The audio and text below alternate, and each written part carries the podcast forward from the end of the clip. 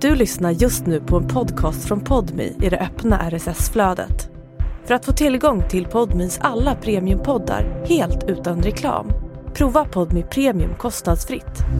Ladda ner appen i App Store eller Google Play Hallå, hallå alla älskade, underbara, fina podmi prenumeranter och varmt välkomna till ännu ett avsnitt av Nemo möter en vän. Denna vecka har jag med mig en man som är så ljuvlig och varm och fin och han heter Janne Josefsson. Han är en journalist, legendar och han bjuder på anekdoter som vanligt och är underhållande, varm och mysig som vanligt. Det är så fint att han är veckans gäst i avsnitt nummer 439 av Nemo möter en vän.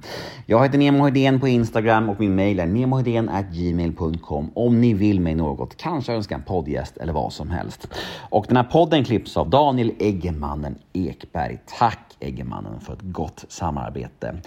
Och jag tror inte det var så mycket mer än så. Jag vill ju alltid tacka ni underbara prenumeranter för att vi gör det här ihop. Utan er inget Nemo möter en vän. Så tack för att ni fortsätter lyssna på Nemo möter en vän via Podmi. Ni är fantastiska. Puss på er allihopa.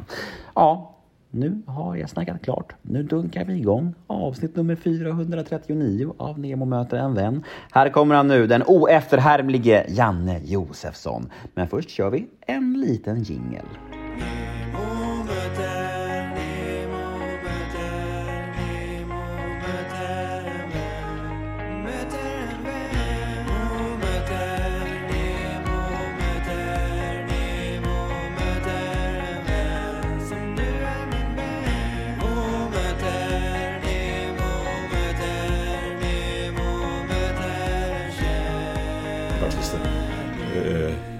Eh, Fridolin? Fridolin, ja. Men var det ett panelsamtal i TV? Ja, det var panelsamtal och det sändes av Expressen och sånt där. Ja. Och eh, jag hade två vakter med mig då, för, men jag tror det var eh, hot från eh, nazister eller någonting sånt där. Och, eh, och så eh, tog det slut då och eh, då kommer det fram en äldre man till mig. Gående så här bara. Och, eh, och jag känner igen honom. Herregud, det är ju du som har hotat att spränga mig, säger jag. Och, sånt där. och så lämnar han en lapp som jag tappar och sånt där. Och han börjar springa. Va? Och mina vakter, de hade ingen fokus på honom. Det här var en äldre man och sånt där. Va?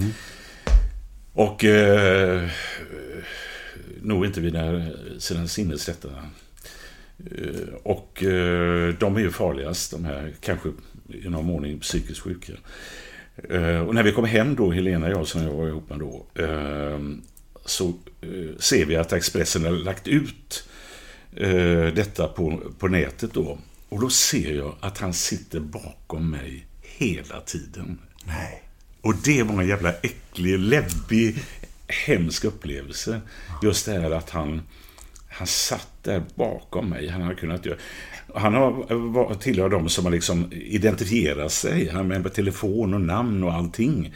Och till och med ringt till Uppdrag gransknings tipstelefon och hotat att spränga mig och sånt här. Va? Jag träffade honom på stan för, för många år sedan och han påstod att jag hade lovat honom att komma till någon förening i, i Bergsjön och prata någonting, vilket jag inte hade gjort. Och sånt här. Men det var jävligt läbbigt att liksom det. se att han satt där bakom. eh, Men på det här panelsamtalet, alltså, han lämnade han en lapp eller vad sa du? Va? Ja, han kom fram när allting var klart. Ja. Och så kom han fram och så sa han hej och så här. Och så lämnade han en lapp som eh, var ihopkrypad och jag, jag tar tag i den och jag tappar den, jag hittar inte den sen. Sen säger jag då, ja men herrejävlar, det är ju du som eh, har hotat, hotat att Ja, spränga ja, mig. fattar jag. Då springer han. Ja, jag fattar. Ja, Undrar vad det stod på lappen då? ja, ja, jag hittade inte den lappen Nej. sen. Jag hittade inte den lappen sen. Men, Det kanske stod så här, jag har gjort en helomvändning. Jag, jag är ditt fan nu. så kan det vara. Eh, Välkommen tillbaka till podden. Ja, hur länge sedan var det jag var med? Två år och typ tre månader tror jag. Ah, herrejävlar vad tiden går. Det, det är inte klokt. Då var jag ung. Ja. Ung och pigg. ung och pigg jag är Ja. gammal. Och... Hur mår du nu? Nej, men jag mår väl bra. Just den här årstiden är ju lite tuff. Men nu kommer ju våren här och... Eh, men... Eh, det är inte helt lätt att lägga av. Nu gör jag en egen podd förresten. Som heter Oväntat besök hos Janne Josefsson. Och vi har kört tio stycken och nu håller vi på att spela in tio till. Är det kul? Ja, det är kul och de kommer hem till min eh, skyddade adress. Eh, och det är människor som inte jag vet vilka det är. Jag får bara en lapp där det står eh, lite grann om den här personen. Och jag vet inte om det är kvinna eller man eller någonting sånt där. Va? Och jag gissar ju som regel fel. Och, eh, vid ett väldigt roligt tillfälle tycker jag så säger jag så här. Jaha, den här personen i unga år varit på Kuba och i Nordkorea. Herrejävlar. Ja, men det, är, jo, jo, jo, men det är ju Sven Wolters dotter Stina Wollter, säger jag. Det är ingen tvekan om det.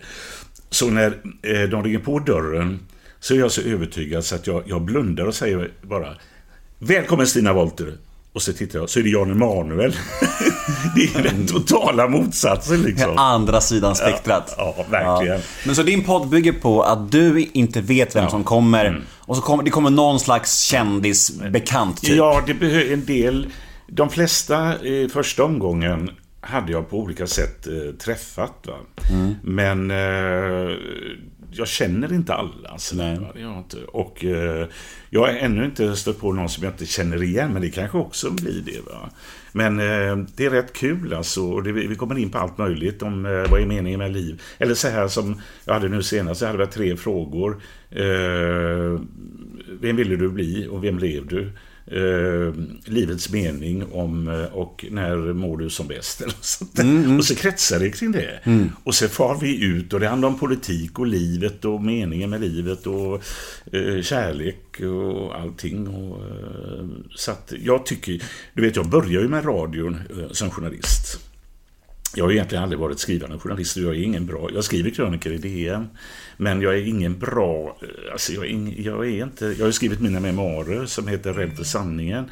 Eh, men då måste jag ha hjälp. Alltså jag hade Mats Lerneby som hjälpte mig att skriva den. För att eh, jag är en snackare på gott och ont kan man säga. Ja, du släppte ju memoarer ganska nyligen. Det var ju höstas va? Mm. Mm. Och det var ju ganska mycket mycket kring dig då. Ja. Hur, hur, känns det med boken så här nu, ett drygt halvår, några månader efter släpp? Känns med lite perspektiv. Är du nöjd med hur det blev? Ja, jag är ju ute, alltså jag har ju sagt att uh, jag uh, åker inte omkring och konkar på massa böcker och, och säljer dem och sånt där. Det får förlaget göra och ibland hinner de inte. Så att nu var jag i eh, Stenungsund, eh, som inte ligger så långt från Göteborg. Eh, jag åker ofta förbi Stenungsund, för jag har ju hus på Åstad som är en ö strax utanför där. Det ligger norr om Göteborg. Och då var det fregatten där, det var, hade de anordnat då. Och det blev alldeles fullpackat med folk och sådär. Och jag hade inga böcker med mig. Och då, ibland blev folk... Jag var på biblioteket och snackade och då blev folk, för, det var hur mycket folk som helst.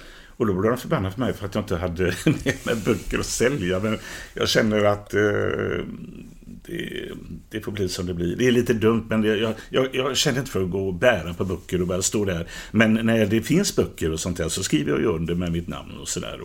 Jag tycker att eh, jag är nöjd med boken för att eh, den tog fram saker som jag själv vill få fram och eh, som i grunden är väl en berättelse varför jag blev den jag blev och vi hittade ju saker, det fanns ju väldigt mycket eh, material på, eh, jag tror det heter landstingsregistret eller något sånt där, om eh, min mamma till exempel som betydde väldigt mycket för mig. Pappa betydde också, men mamma var mera präglat, var präglat med mer. Pappa var rätt eh, tillbakadragen och sådär.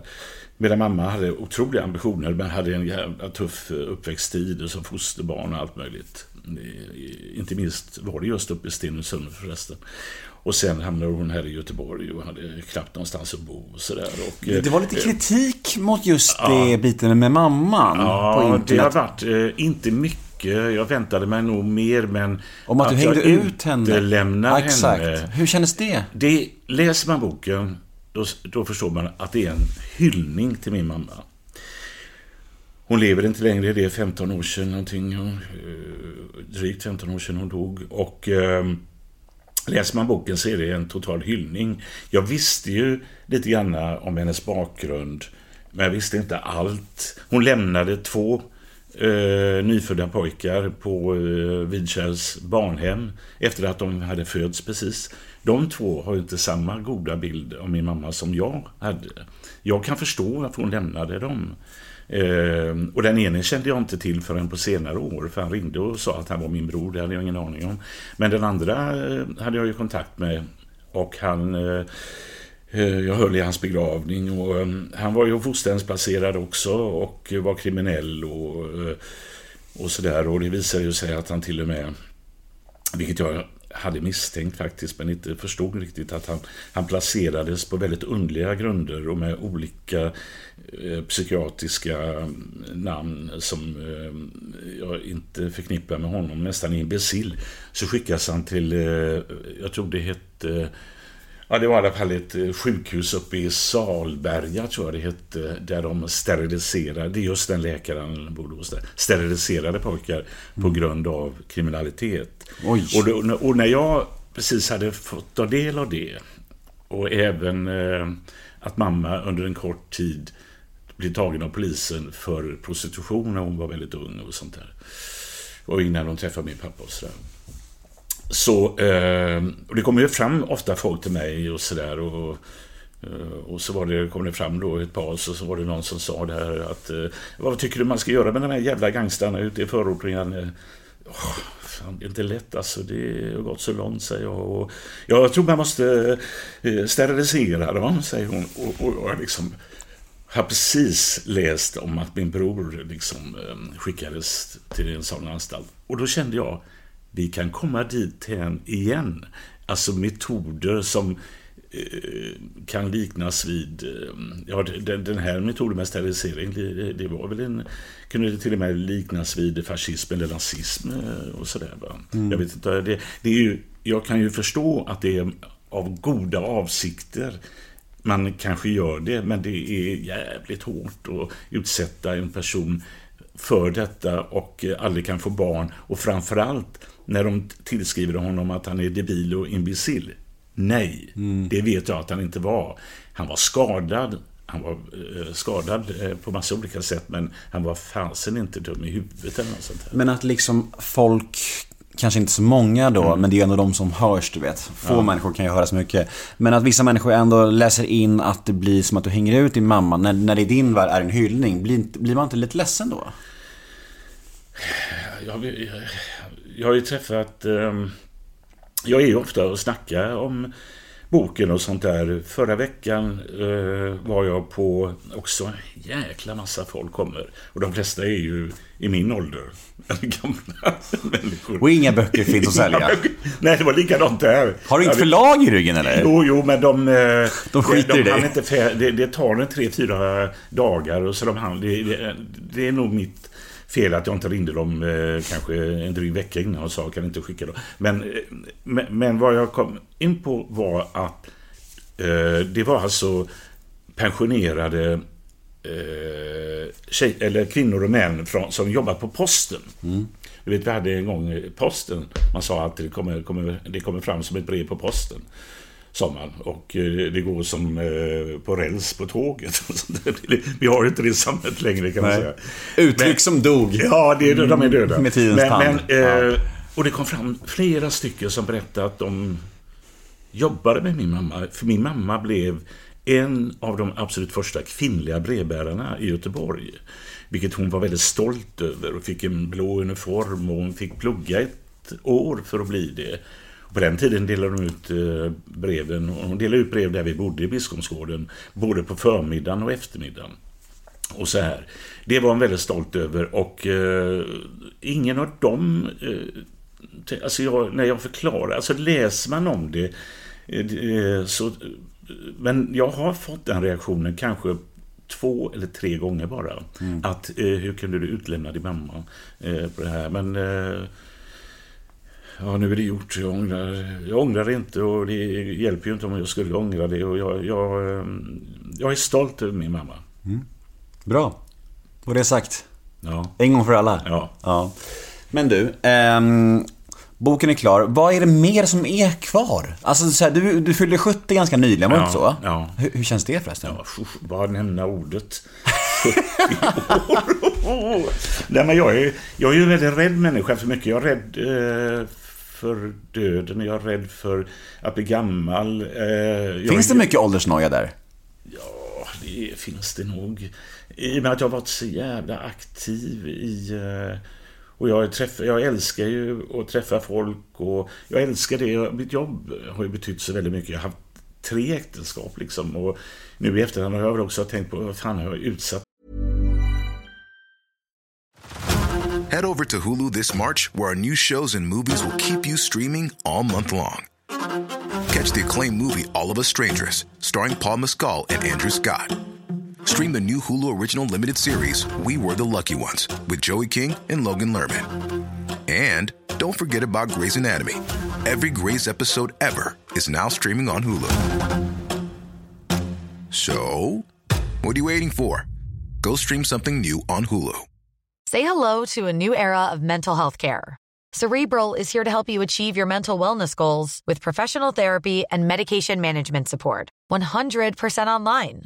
You'll experience the all new Cerebral Way, an innovative approach to mental wellness designed around you. You'll get a personalized treatment plan from a therapist, prescriber, or both in a safe and judgment free space. Your cerebral therapist or prescriber will outline a customized plan with clear milestones along the way so you can get to feeling your best. With Cerebral, you're not alone in your mental health journey. We're here to empower you to live a fulfilling life. So take that first step towards a brighter future and sign up today at cerebral.com slash podcast and use code ACAST to get 15% off your first month. Offer only valid on monthly plans. Other exclusions may apply. Offer ends July 31st, 2024. See site for details. Dem för mina barn utsatt för. Jag har haft så mycket hot och de har ju trappats upp också. Ehm, och eh, varit väldigt eh, fixerad vid eh, mitt jobb. Men jag har också tagit ledigt väldigt mycket ehm, och varit med mina barn och sånt där. Och min, yngsta son har jag väldigt bra kontakt med. Men jag skilde mig från hans mamma. Och det var ju, det var ju jag låg ju också i sån här fosterställning och var rädd att jag skulle kanske mista honom och sånt där. Hur är kontakten med de äldre barnen då? Ja, har jättemycket. Jag har ju blivit farfar också nu. Bara det, är du far? Tänk att säga det, gå ner på krogen och säga jag har blivit farfar. När man ens vill träffa någon ung tjej eller sånt där. Eh, nej, men jag är farfar till en liten flicka eh, som är två år. Och eh, min mellanson har också fått barn, Louis, eh, som är bara fem, sex månader och sånt där. Och det är klart att eh, är otroligt eh, fantastiskt och sådär.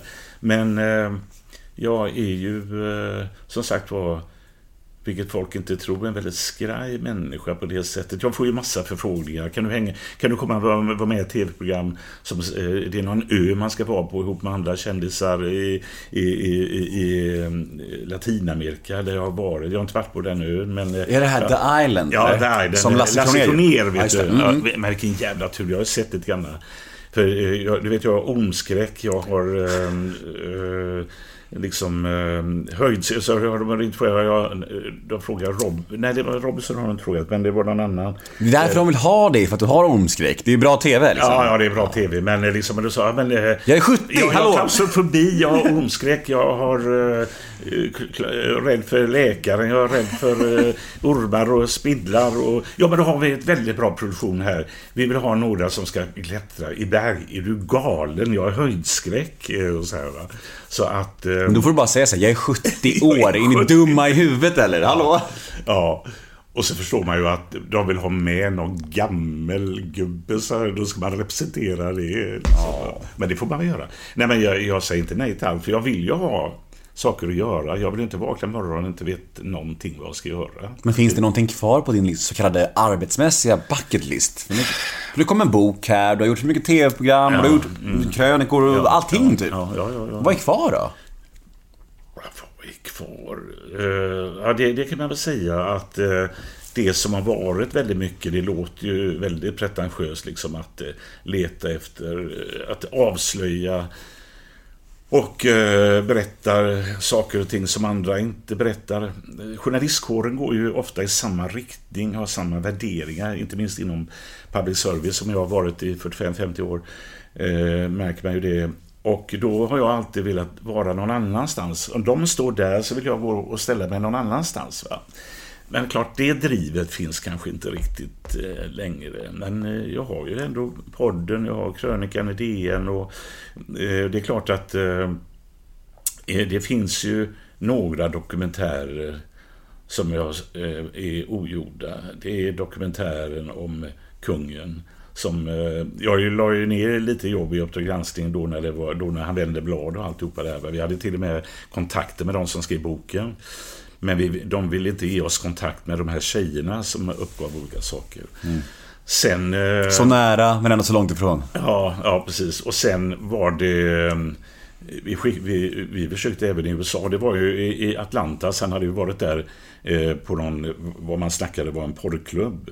Flera år efteråt så är den eh, klubben, om den hette Goldeneye, eller jag kommer inte ihåg vad den hette, men i vilket fall som helst så är ägaren där utsatt för en rättegång i USA.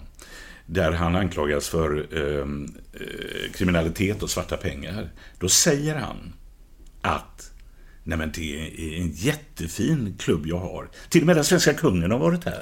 Och sånt här va? Vi försökte hitta den tjejen där, men hon hade flyttat till Florida, det gick inte och sånt där. Men kungen eh, nu, nu är det Johan Kungen i alla möjliga dokumentärer och sånt där. Ja, det minns jag verkligen. Jag är ingen kungahatare eller sånt där. Va? Utan jag, vill, jag, jag tycker ändå att det...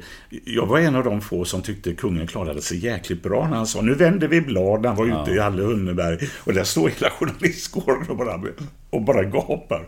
Och gör inte sitt jobb. Alltså, och, och många tyckte han var... Hur kunde det var ju inte bra. Det var ju skitbra. Sen slutade ju alla att kolla och sånt där. Och, och, och, och forska efter honom kungen. Sen är det Katrina Costa-affären. Jag har ju träffat eh, bland annat allmänläkaren där. Och eh, sen var det ju obducenten. Jag är så gott som övertygad om att det är ett av de största jävla eh, övergreppen i, i rättssamhället, eller rättsskandaler vi har haft i det här landet. Men eh, det, det, går inte att eh, liksom eh, det går inte att belägga riktigt det där. Jag får inte fram det. Vi har försökt, jag har försökt. Det tredje är korruption inom polisen. Som jag har fått tips om men aldrig riktigt kommit åt. Jag var med en gång. Det blir ju rätt intressant. Då jobbade jag i Stockholm med ett program som hette Striptease som var föregångaren till Uppdrag granskning. Och vi fick tips om att eh, det fanns ett antal poliser ute på Solvalla som var totalt korrupta. Så att det var fem, sex poliser som alltid gjorde sin jobb där på Solvalla. Man kunde liksom eh, köpa dem och på olika jävla sätt. Eh. Och då eh, hade jag hört en radiodokumentär om en, eh, en förslagen eh, kriminell kille som lånade lägenheter som var väldigt exklusiva på Östermalm och påstod sig ska sälja dem, liksom sånt här. Då. Men han hade bara lånat dem, så han lurade pengar. Han lät jävligt eh, övertygande och sånt där. Så jag kontaktade honom. Och vi la upp en eh, strategi för hur vi skulle kunna testa de här poliserna på Solvalla. Där med dold kamera och massa sådana grejer. Så vi var där ute och alltihopa så här. Men eh, vi kom aldrig längre än att han blåste oss på 10-15 tusen och sen försvann han. Så vi, vi gjorde aldrig det. Va? Men jag har fått tips om korruption, alltså korrupta poliser på olika sätt. Det har ju funnits några som också till och med haft med eh, knytningar med Hells Angels och sånt där. Som jag också eh, tidigt granskade och blev väldigt hotad och sånt där. Jag tror också att det som är väldigt nödvändigt inom poliskåren man, skulle, man säger så här, sätta in militär. Polisen idag som går ut i förorterna här i Göteborg eller Stockholm eller Södertälje Eh, de är ju som militära, alltså de är mycket, mycket mer laddade och de är uppumpade än vad det var när jag gjorde lumpen och sånt där, förstår du? Men, men eh, det innebär att de måste rekrytera eh, folk som också kanske är uppväxta i de här områdena. Bergsjön, eh, Hjällbo, eh, Rosengård, eh, Fittja eller vad det nu kan vara. Det vill säga eh, inte vanliga svennar utan eh, killar och tjejer från förorten. Det i sig kan, kan faktiskt innebära att eh, korruptionen ökar inom polisen för att eh, när de ska ut i förorten ska, men du, vi är släkt, det vet du. Och släkt är ju något helt otroligt viktigt i vissa kulturer. Medan det här landet, Sverige, det betyder ju släkten ingenting. Det tillhör ju den Swedens dream, liksom, att släkt, du ska vara helt oberoende av eh, kvinnan ska vara oberoende mannen, mannen ska vara oberoende kvinnan, barnen ska vara oberoende föräldrarna, släkten ska inte betyda någonting. Men släkten i vissa kulturer betyder allt. Alltså de utsätts för en större fara att bli, eh, göra saker som egentligen inte är eh, riktiga. Förstår du vad jag menar? Mm, Men, Så, men, ja. men är det inte så att polisen, eh, att det har funnits en tendenser till korruption i polisen väldigt länge? Att det är väldigt svårt för poliser överlag att bli dömda? Att det är mycket så här, kårandan går nästan, blir nästan extrem? Eller, eller, eller är det bara någon slags överdrift? Eller är det inte svårt för en polis att bli dömd för ett brott? Generellt? Ja, alltså det, det har ju förändrats genom åren. När jag började jobba som journalist då, hade, då var det ju till exempel Osmo Vallo som vi fick Stora Journalistpriset. Eh, jag och eh, Hannes Råstam. Eh, var det? Jag tror det är 98, alltså det är länge sedan folk vet inte. Men det är, det är alltså en finsk kille som eh, polisen stampar ihjäl i, eh, i Karlstad. Och tack vare att Signe Modén, mamman, frös in Osmo Vallo så gjordes det nya eh, undersökningar eh, och man kom fram till att eh, det som man försökte dölja, det vill säga de fem rebelsbrotten, kom till efter polismannens stamp och det fanns ju vittnen. Det var ju, det var ju rätt skandal. Va? Mm. Då, satt, då var det en polis i Karlstad som satt och intervjuade sina egna kollegor. Det ändrades kanske delvis efter vårat, eh, så att nu är det ju, sitter ju inte de på polishuset utan de sitter där åklagare sitter när man utreder poliser och sånt där. Ehm, det är inte lätt och det kanske inte ska vara lätt. Eh, det, jag menar, eh, jag kan inte säga hur utbrett det här är, men ehm, det, det, det är en förmodan jag har i alla fall. Och jag, eh, det, man skulle eh, verkligen behöva gå in och kolla de här sakerna. Sätt på ljudlös nu Janne. Du har pipit tre gånger nu, med dina, din mobil. Den piper och piper. Tre, tre sms har fått tror jag. Kan, du- kan du, vet du vad man gör? Jag ska hjälpa dig. Nej men jag, jag, jag, jag, jag fixar det. Jag är inte helt jävla... Jag vet väl inte. Du är ändå 70, eller hur? Ja. Så! Ja, toppen. Ja. Men du, du nämnde förut att eh, när du går ner på puben och, och snackar med brudar, att du inte Mm. Nej, nej, gärna... till puben och snacka med brudar så funkar jag inte riktigt. Du sa det! Ja, ja. Försök inte nu.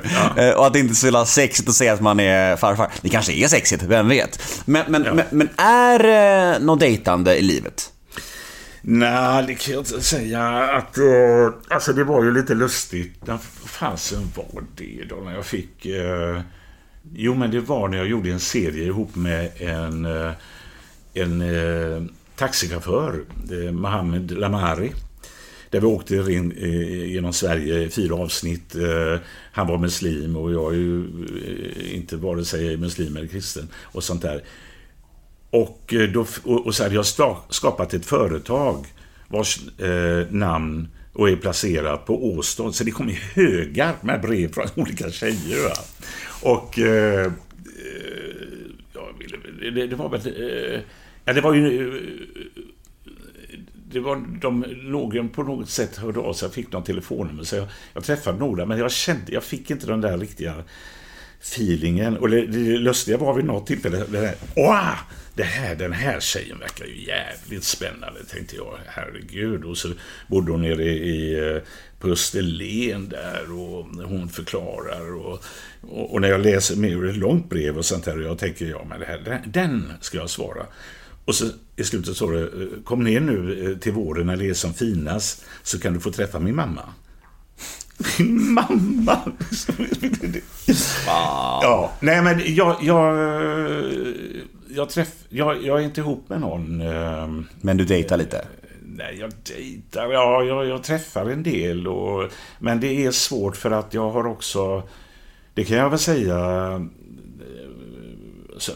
Helena som jag var gift med senast, vi hade en otroligt stark kärlek. Alltså. Den eh, är inte lätt att, att, eh, att ha haft och eh, hitta tillbaka till med någon annan. eller Sånt där, förstår du? Men det, det, det var också väldigt eh, upp och ner så här och fram, fram och tillbaka och, och sådär. Så att... Kan du känna att du slösade bort den relationen? Nej, det kan jag inte säga. Jag tror att det är svårt för oss att vara ett par Eh, av olika skäl. Men eh, det var, jag tror det är hennes största kärlek eh, eh var jag och, och, hon var min största kärlek. Men eh, det är inte så enkelt att bara gå tillbaka till den och sånt där. Men, men det är svårt när man vill träffa någon ny då.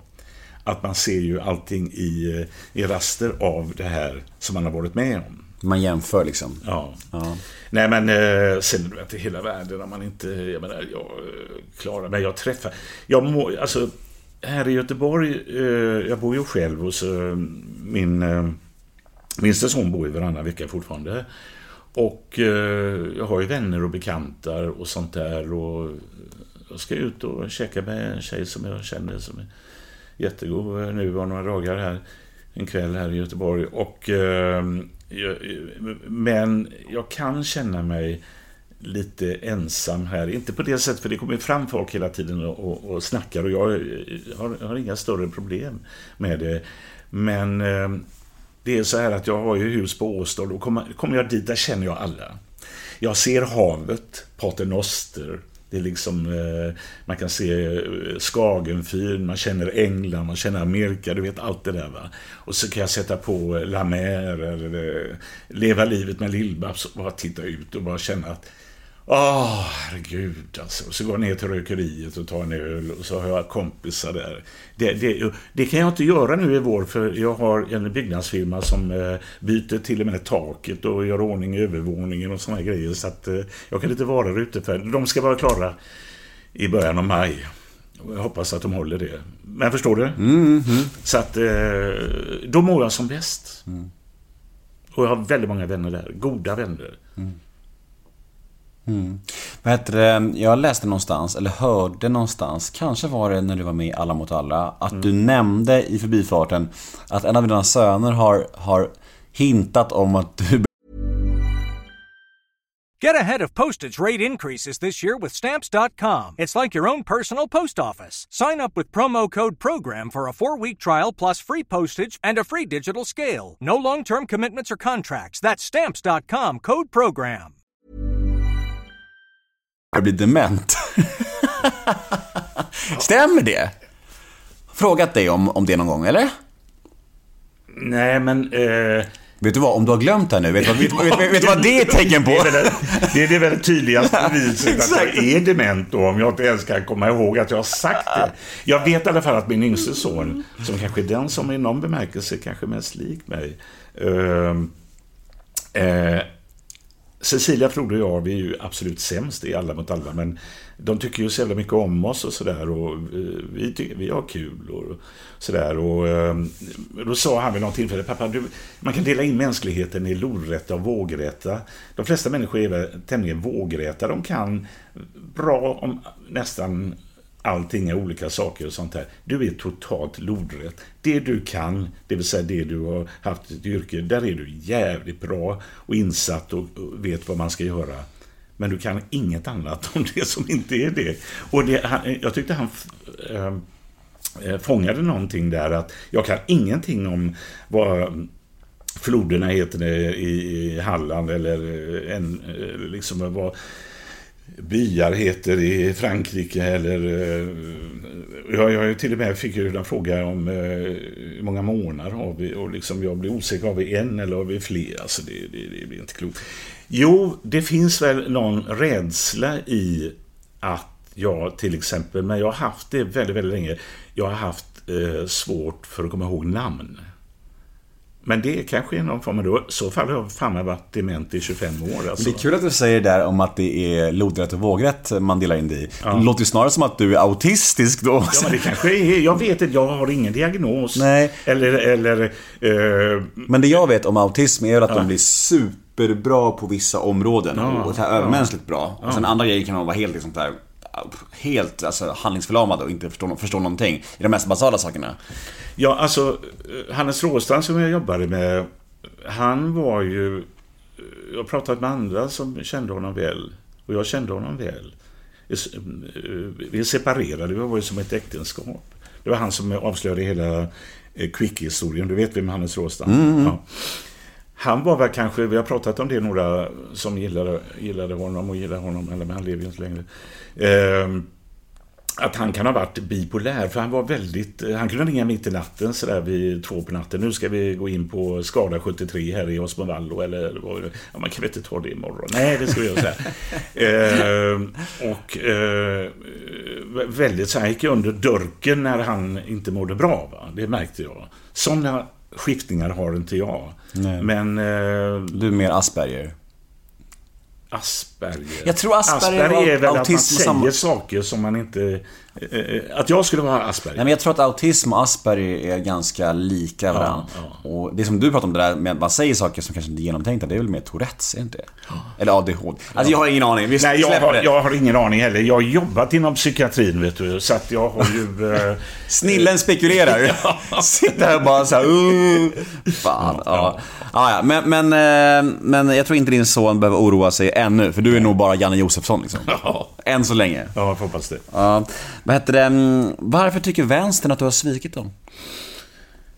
Eh, jo, bara för att eh, jag har gått min egen väg och eh, de... Eh, eftersom, jag menar, när jag kom till Journalisthögskolan då, 75 började jag va? Eller jag gick ut 75, jag började 73 efter lumpen och sånt där. Så var det ju väldigt mycket, jag har ju kallat det kommunisthögskola, de var väldigt, väldigt långt ut på vänster. Jag tror, jag tror till och med Adaktusson som gick någon termin före mig, eller efter mig faktiskt, var eh, eh vänsterriktad. Jag var också vänster, men eh, eh, jag var ju också udda, för jag kom från arbetarklass. Jag var ju en del av när sossarna levererade till förorten, att, eh, att en kille som jag kunde gå vidare via vuxengymnasium och lite till komma in på universitet och sånt där var ju rätt ovanligt, men det blev ju allt vanligare. Det var ju otänkbart tidigare. Nu levererar man ju inte i de här eh, förorterna och sånt här. Jag har... Alltså jag hamnade lite... Jag hamnade ju på Sveriges Radio, det som heter eh, eh, P1... Eh, det går P1 vid 17-tiden, vad heter? P1 Extra eller något sånt där. Det heter Öppen kanal och sånt där. Den stora samhällsredaktionen, där fick jag fast jobb redan 1976 och jag och min dåvarande tjej vi gifte oss sen och fick barn. Vi flyttade ju till Stockholm då och sådär va. Och jag märkte ju då jag var ju liberal, jag var med i Liberala studentförbundet, men jag var också med att ombilda det till frihetlig vänster och sen till frihetliga socialister, så jag var långt ut på vänsterkanten. Men när jag kom till Stockholm där så såg jag ju då att det var dominerat utav antingen eh, kommunister som hyllade Sovjetunionen eller så var det de som hyllade Mao och Kina. Va? Där jag kände nej, det här eh, ställer inte jag upp på. Liksom, va? Jag gick med Kinesiska vänskapsförbundet vid något tillfälle. Jag var med en gång och det var eh, Masthuggstorget här i, i Göteborg. För jag, jag gick på Olof Lagerkrans propaganda. Han beskrev ju, jag läste DN, och han beskrev ju eh, hur fint och bra allting var i Kina. Jag gick på det. Så jag gick med, eh, för jag tänkte jag ska fan emigrera till Kina. Och så ställ, satte jag mig där och så säger jag, och det sitter eh, rätt mycket folk där på det här mötet och jag räcker upp handen. Ja, vad vill du fråga någon? Ja, jag vill fråga. Man har ju skjutit ner, jag tror han heter Chong Lai eller någonting, som alltså en av de högsta i Kina. De sköt ner honom eh, i ett plan bara. För, varför gjorde de det? Han var folkets fiende. Var han folkets fiende? På vad sätt? Berätta det för mig. Nej, men det behöver vi inte gå igenom. Det har de inte sagt. Men det, det är svaret vi har fått och det nöjer vi oss med. Om man då kan ni dra åt helvete, så, så gick jag ut. Och det, det, det innebär att jag är inte en eh, utav de här som eh, vill... Eh, jag vill förändra världen till vad jag tycker är bättre, vilket är ett ställningstagande som är, sitta på jävligt höga hästar. Jag kom ju väldigt tidigt som eh, ung journalist ihop med eh, andra på eh, samhällsredaktionen då på radion till Sovjet. På grund av att det drällde av kommunister på redaktionen och inte minst cheferna var kommunister med Vänsterpartiet kommunisterna. Så vi kommer till eh, Sankt Petersburg heter det väl numera, det heter Leningrad då, 1978. Putin och jag är lika gamla. Han hade gått ut KGB-skolan, jag hade gått ut Journalisthögskolan. Våra vägar möts där. Va? Och vi, eh, jag kan ju inte hålla käft utan jag, Elton John bodde på hotellet. Då kom jag på, vi kan väl kolla vilka barn, vilka ungdomar har möjlighet att få se Elton John. Och vi kunde ju eh, snabbt konstatera att det är bara de här partifunktionärerna. Vi kunde ju se det här fruktansvärda klassamhället. Och... Eh, och det var felöversatt, eh, tolken felöversatte och alltihopa det här. Och det första programmet var jag eh, och Monica Adolfsson som var programledare då. Eh, och det handlade om barn. Och det eh, gick direkt och folk kunde ringa från Sverige och säga. Det andra programmet handlade om vuxna och framförallt ungdomar och sånt där. Och det var jävligt kontroversiellt på grund av att jag hade gjort ett, ett reportage. Och de hade ju mikrofoner i väggar och sånt där. Så när, när vi ska sända det fem, tio minuter innan vi ska gå direkt då till, till Stockholm och Sverige och de ska kunna ställa frågor och vi har översättare och vi har en panel från Sovjetunionen. Och Putin är ju indragen i de här grejerna. Jag, han var ju inte känd alls på den tiden men han jobbade just med relationer och sådana här grejer. Och de sprang ju hur många som helst där. Så hade de hela det, eh, mitt reportage eh, utskrivet. De hade alltså spelat in i hemlighet på och sånt där. Och de säger antisovjetisk propaganda ut ur landet och vi fick eh, natten på oss. Och, och så eh, Remzi Perani som kom från Albanien, ett av de jävligaste länder jag har varit i för övrigt. Eh, han, han, var så jävla rädd så han, han, han, ville ligga i samma säng som mig, och bara darrade och sånt här. Han var så livrädd. Han kopierade fem kassetter vi skulle eh, smuggla ut det till Sverige. Jag var den enda som tog det i ett cigarettpaket. Och det är, eh, sån är jag liksom. Jag, jag är helt orädd. Varför? Det är väl eh, någon jävla störning då. Och när jag ser att det är kroppsvisitering på gång så blir jag ju naturligtvis jävligt rädd. Och då säger jag till Lasse Borglund som var med. Eh, Britten heter programsekreteraren och hon hade blivit eh, färdigvisiterad. Att eh, vi, eh, du kan väl ta en cigarett, så jag, men lägg kassetten så lägger vi det i hennes eh, necessär och så drog vi för där och sen kom det med eh, programmet då. Va? Och när jag berättade det för Nis eh, för henne när vi kom till Arlanda så svimmade hon, kommer jag ihåg. Och sådär liksom, va? Men kritiken inifrån alltså, var ju, men Janne, det här gynnar borgerliga intressen, det du gör. Jaha, så vad innebär det? Ja, men då, eh, varför, varför de öppnade sig för oss, då ska väl inte vi gå liksom bakom ryggen och avslöja saker och sånt? Nej, av vilket skäl?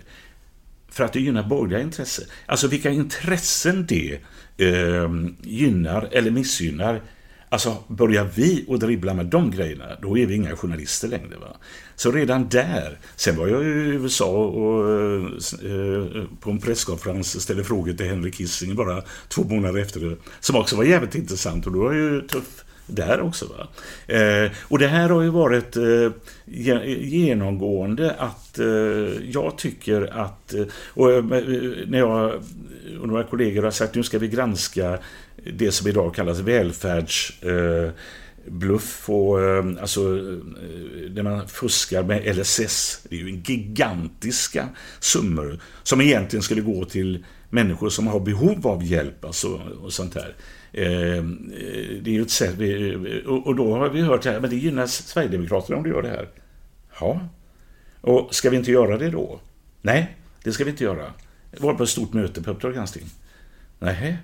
Så... Eh, eh, ska vi, om, om det är ett samhällsproblem, ska vi då inte göra det bara för att detta enligt dig då gynnar Sverigedemokraterna. Alltså jag är inte med på den banan. Jag vill inte, och då har det blivit så när vi till exempel gör om extremism och våld inom politiken. Vi gör Nordiska motståndsrörelsen. Vi blir nominerade, kom på andra platser, eh, anrika priset i USA för det. Och då sa jag, jag vill också göra om våld inom vänstern, hur de använder våld. Ja, men de använder ingen våld och dessutom, det är ju, det är ju för bra syfte då. Så, sånt där jävla snack inom liksom eh, eh SVT och Sveriges Radio, huset då i, i Göteborg där jag satt. Och då, det gör mig eh, ännu mer laddad för att... Eh, och när vi tar fram de här, de hade ju till och med lagt ut på nätet vissa grejer, sådana här hembesök, där de gick hem till förmodade högerextrema och, och liksom bara slå sönder hela lägenheten. Vid något tillfälle i Allingsås, är det, de, de var med något som heter Revolutionära fronten, då går de in med eh, att slå sönder, och de filmar detta, slå sönder dörrarna med yxa och sånt där. Där ligger en liten flicka i sovrummet med sin mormor och så har de gas in där. Va? Och då säger man, hur, hur, fick ni tag i det? Det har legat öppet för varenda journalist i det här landet att eh, ta fram det. Men varför gör ingen det? Och det där eh, triggar mig att eh, jag går inte med på det. Att vi ska vara bias på det sättet i, i olika frågor och blunda för saker bara för att det de flesta av oss är antagligen miljöpartister eller vänsterpartister. Så det är förfärligt. Men vad är då din take på att många upplever public service som vänstervridet? Du var ju anställd hos public service väldigt länge. Anser du att det är det också? Nej, men alltså det, det, man har ju varit uppmärksammad på det, men det är klart att eh, det, jag menar, vi, vi har, ju i Uppdrag granskning haft en väldigt, väldigt, väldigt bra chef, Nils Hansson, som har haft ungefär samma synsätt som jag, att vi ska kunna slå åt alla håll. Vi ska till och med kunna granska tiggeriet bland romer. När Hannes Råstam och jag åkte genom hela Europa och gjorde om trafficking så kunde vi se hur romerna eh, behandlades i till exempel forna Tjeckoslovakien. Eh, så här. Till och med en, eh, eh våran tolk en, som hoppade av för att hon ville inte tolka någon rom och sånt där. Men vi såg också de romska bossarna. Vi kunde också se det rom, Romens kris hade egna rättegångar och sånt där. Och vi visste exempel här i Sverige, eller vi fick reda på att man använde handikappade romer som satt och tiggde. De fick inte behålla några pengar alls. Allt det där eh, skulle man inte röra i, man skulle inte titta på det, man skulle inte granska det. Och eh, de goda organisationerna, Rädda Barnen, Amnesty, eh, eh alla de här organisationerna hänvisade till en forskning på ett universitet i Oslo som skulle ha kollat detta. Det finns ingen kriminella ligor eller något sånt här i, i, i eh, vad det gäller eh, tiggeriet. Och eh, vårt eh, motsvarande program, eh, Brännpunkt i Norge, gick till botten med det. Va? Den här undersökningen och det visade sig att forskarna då i Oslo hade skickat studenter till Köpenhamn, Malmö, Göteborg, Stockholm och Oslo och bett dem fråga tiggarna, är du en del av en kriminell liga? Så hade det gått till. va? Alltså då är man inte intresserad av att få reda på någonting. Slappaste jag hört alltså. Vi hade ju ett möte, Nils Hansson och jag och professorer ifrån Stockholm här, där vi sa att eh, de var intresserade och vi var intresserade att ha ett samarbete med dem om vad som hände i upploppen i eh, i Stockholm. Hjulsta hette det, eller vad hette det? Det var det, var det i alla fall. Det var, det var upplopp, för det, det här är kanske tio år sedan. Och sånt där. Bilbränderna och där? Nej? Ja, det var bilbränder och ja. sånt där. Jag kommer inte ihåg exakt vilket. Årby där kanske? Ja. Ja, där. Och då hade vi ett möte och så säger de så här att eh, ja, men vi, ska, eh, vi kan göra någonting ihop och vi kan forska i detta. Och eh, vi vet och vi utgår från att det här har, eh, har med social orättvisa att göra. Att de här upploppen har eh, ägt rum och det är orsaken. Har ni bestämt er för det redan innan ni har gjort forskningen? Ja, det, för det, det är så. Det var en chilensk kvinna som var professor då, som jag vände mig direkt till då. Men då kan ni ju glömma mig i alla fall. Alltså, om ni som forskare kan jobba på det sättet, det är en sak. Som journalister kan vi inte jobba på det sättet. Vi kan inte bestämma oss innan, för då är vi inte journalister. Och om ni bestämmer er innan, då tycker inte jag ni är forskare. Tack och adjö, då gick jag bara. Alltså. Mm. Och det, det, där är... Eh, det har drabbat eh, eh tillförlitligheten och eh, folks förtroende för, eh, för journalister och eh, även för public service. Det ser rätt bra ut i undersökningen men man, man ser också att det finns en misstroende att vi är mer bias än vad till exempel eh, TV4 är. Mm. Att, eh, och sådär. Så att eh, min erfarenhet är att eh, att det har funnits, det har påverkat att den politiska uppfattningen har varit så som, som jag säger och det, det, det påverkar om man inte har den här mer rabulistiska, jag röstar ju inte, jag går aktivt och röstar, jag har aldrig röstat i hela mitt liv. Och jag, ärligt talat skulle jag inte veta vad jag skulle rösta på. Nej. Men du, varför mm. åkte du ut så tidigt ur Let's Dance? Ja, det är en jävla bra fråga. eh, Skandal, eller? Nej, jag var faktiskt... Eh, eh Kass? Ja, det kan man väl säga. Jag var... Var det kul då, eller var, det, bara, var det bara hopplöst? Malin Watson är en sån underbar människa och jag hade jättekul med Carola och alla som var med och produktion. Alltså det var jättekul. Sen var det tufft alltså, rent fysiskt. Och, och, och det här liksom, eh, jag är väl dement i hela jävla kroppen då liksom. Om, eh, liksom att eh, tjatcha och quickstep och fy fasiken vad jag tyckte att det var jobbigt. Och det var hård träning. Så jag blev, var rätt glad att åka ut efter all träning och få komma till Åstad och bara sitta och titta på Let's Dance. Jag ångrar inte det för fem öre. Åkte du först eller? Ja, det tror jag det var. Ja. ja. Är det bra pröjs för sådana program? Ja, det är bra pröjs. Vet du vad du fick? Minns du? Eh, jag tror inte jag får säga det, men det... Är inte det preskriberat nu? Nej, men det är jävligt bra pröjs. Snackar vi en halv mille typ? Ja. Ja. Fan vad mäktigt alltså. Och jag tror att det där är också ganska, ganska individuella avtal, men du är ju ett bra namn så de får ju hosta upp liksom. Ja. Nej, men det är väl... Eh, eh, det var väl en av orsaken. Jag hade ju slutat att jobba eh, precis med Uppdrag granskning och sånt där. Och, eh, men eh, jag ångrar inte. Jag är inte rädd för rapport men heller på det sättet. Det var inte hela världen. Jag menar, alla mot alla till exempel. Där säger de att de, jag vet inte hur det går till, men de säger att eh, när, när kamerorna riktas mot Cecilia och mig så är det fler som tittar. Hur fan kan de se det? Det vet inte jag. Det låter men, jättekonstigt. Men, men, men vi, vi, får representera då de som, är, som kanske folk är som mest och inte de här riktigt brighta. Men ni är inte med i årets säsong va?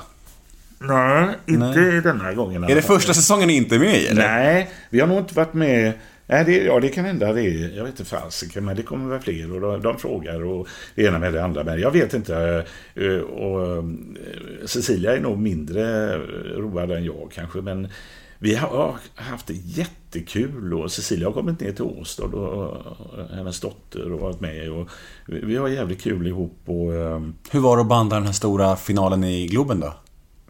Jo, men det var ju, det var ju häftigt alltså. Det var ju, alltså när jag såg det, Filip och Fredrik som jag känner sedan tidigare och eh, de paren som eh, var, de är verkligen laddade för att vinna. Det, det, Olof Lund. Ja, Olof Lundgren, jag känner ju honom och de är, ja verkligen. Sveriges största vinnarskalle. Ja, det kan vi nog säga. Det kan ja. nog säga. Han är so väldigt social också. Och sådär. Men eh, när jag ser dem där och så ser jag hela Globen eller vad fasen det var. Är det Globen? Mm. Ja.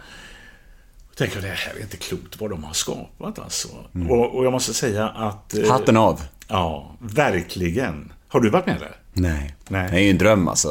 ja. Det är verkligen det. det är du. Jag tror att du skulle kunna ja. klara det eh, rätt bra. Men du, du har väl också varit med i en del poddar? va? Eller? Ja, ja, ja. Men vi gästade ju samma podd ganska nyligen ju. Vilken var det? Kristin Kaspersens. Ja, ja, just det. Jag var med Eh, och så var du någon gång efter där va? Hon är fin. Ja. Jättefin. Och eh, jag tror, jag vet inte. Men det kan ha varit... Eh, I alla fall ett av skälen varför hon hörde av sig till mig. Det är väl att jag... Eh, det är också en del av min eh, sida att eh, jag har så jävla svårt för folk som förställer sig. Mm. Och man kanske, man är förmodligen inte befriad av det själv, men eh, eh Gardell till exempel har, jag gått ut med. Jag tycker, åh, han är precis motsatsen till vad han utger sig för att vara. Berätta, och, vad, menar, vad menar du? Nej men alltså han är ju, jag har ju varit med om där han... Eh, eh, nu får du berätta. Ja, men jag har varit med och han har behandlat människor, framförallt de som han säger sig för Eh, Eh, representerar nästan. Alltså de som står lägst ner i hierarkin. Han behandlar, eh, smink, de som har sminket, det är ju de som ofta vet hur folk är i verkligheten. De, eh, de jag har hört om vill aldrig sminka honom längre. Liksom, så här, för han beter sig så jävla illa. Vid något tillfälle kommer jag ju in, när jag var programledare för Uppdrag granskning, där det görs ett reportage. Och jag ska stå som programledare och så eh, intervjuar de olika kända personer som ska berätta hur hemskt det är att få eh, hat och sånt riktat mot sig på nätet. Va? Och det första jag ser är eh, Jonas Gardell nästan gråta över vad han utsätts för. Och jag stannar liksom eh, uppspelningen och säger det här kan ju vi inte visa. Vi kan visa det, men intervjun får i så fall göras om. Han måste ju få frågan, vi vet ju, ni kanske inte vet det, jag vet ju att han har ju hotat folk på Uppdrag granskning. Vi gjorde en granskning som han inte gillade där han skickade, eh, Jonas Gardell skickade att varje gång jag ser den här kvinnliga reportern säga någonting så vill jag döda. Mm. Alltså, det är motsatsen. Mm. Jag frågade Richard Wolff, eh, var det något halvår innan han dog, och han svarade faktiskt Ja, man förstår knappt hur mark står ut. Och sådär. Nej men, eh, det, hur kom vi in på detta förresten?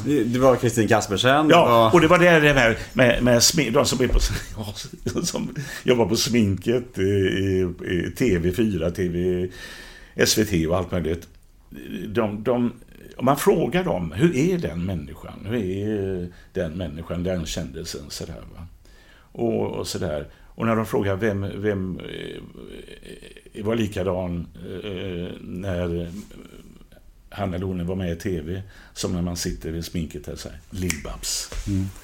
Hon var det, alla nämner det liksom, hon var likadan. Och när hon kommer in i studion så gick hon och kramade allihopa och sådär. Och det har jag, jag har ju nämnt det några gånger just om, och så gillar jag, det är en av mina absoluta favoriter, Leva livet med Lill-Babs och sådär. Och eh, eller jag vet inte om det hade betydelse, men vi var med i samma podd i alla fall. Men mm. där öppnade du upp dig rätt mycket. Ja, men det gjorde jag. Och jag tycker Kristin är väldigt, väldigt fin och bra. Ja. Hon är också genuin. Ja, jag gillar henne. Supernice liksom. Och jag gillar eh, alla Lill-Babs döttrar. De har ju fått det från Lill-Babs. De är ju väldigt fina människor allihopa ja. liksom. Så det är ja. verkligen, hon, hon är toppen.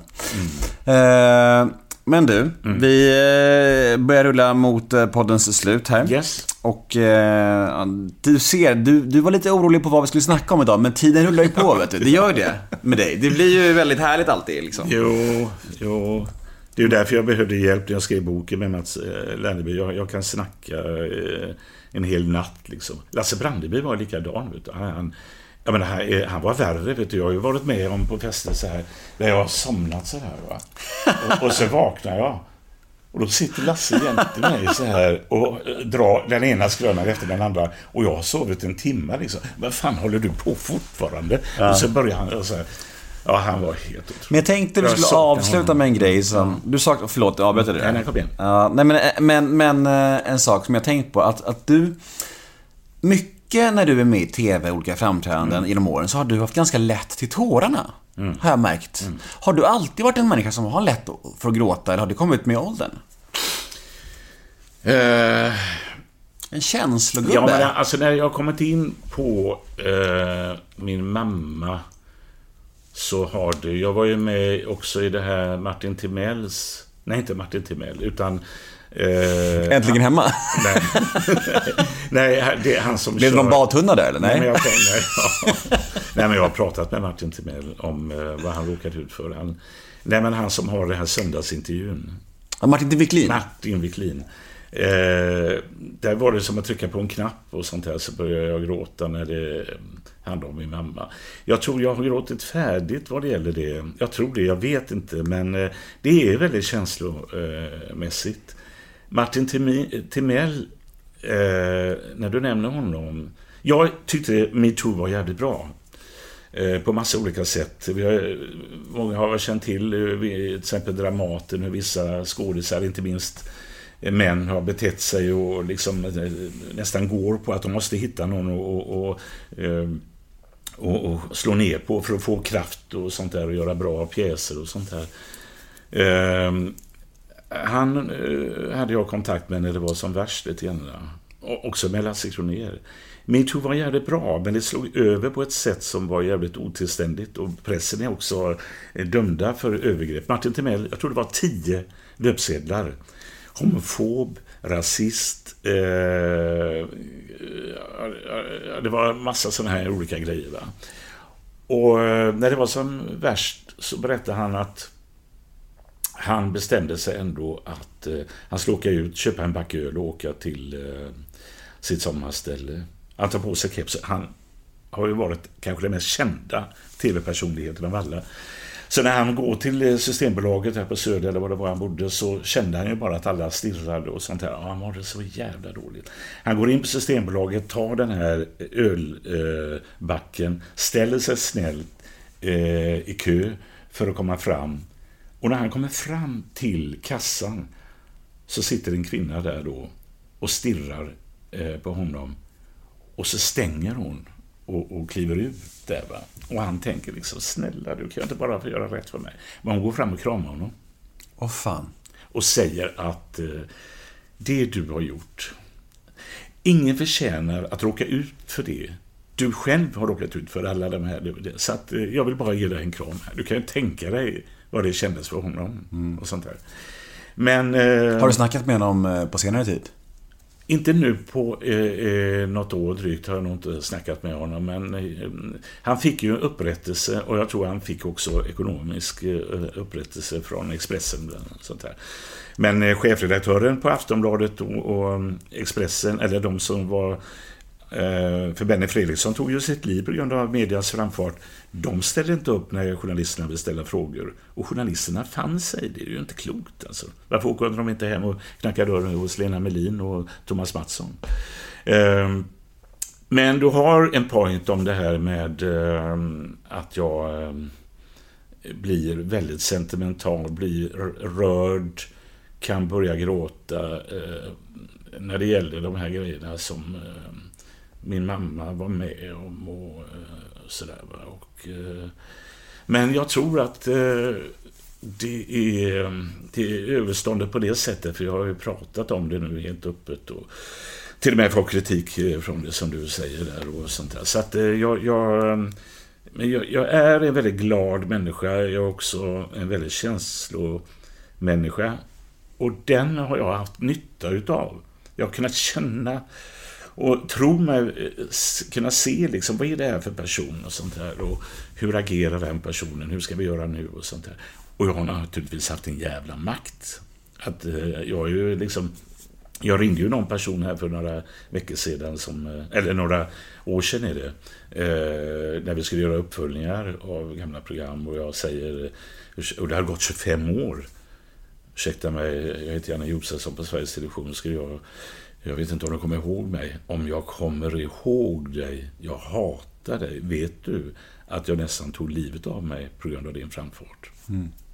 Så man ska ju vara jävligt klar över att bli utpekad i till exempel Uppdrag granskning för eh, någonting, oegentligheter, fusk eller någonting som inte är bra. Det är värre än att sitta inne på kåken i flera år tror jag. Du, eh, vad fint det var att få träffa dig igen. Kul att träffa dig också. Du är framgångsrik i, i poddvärlden va? Ja, det ryktas om det.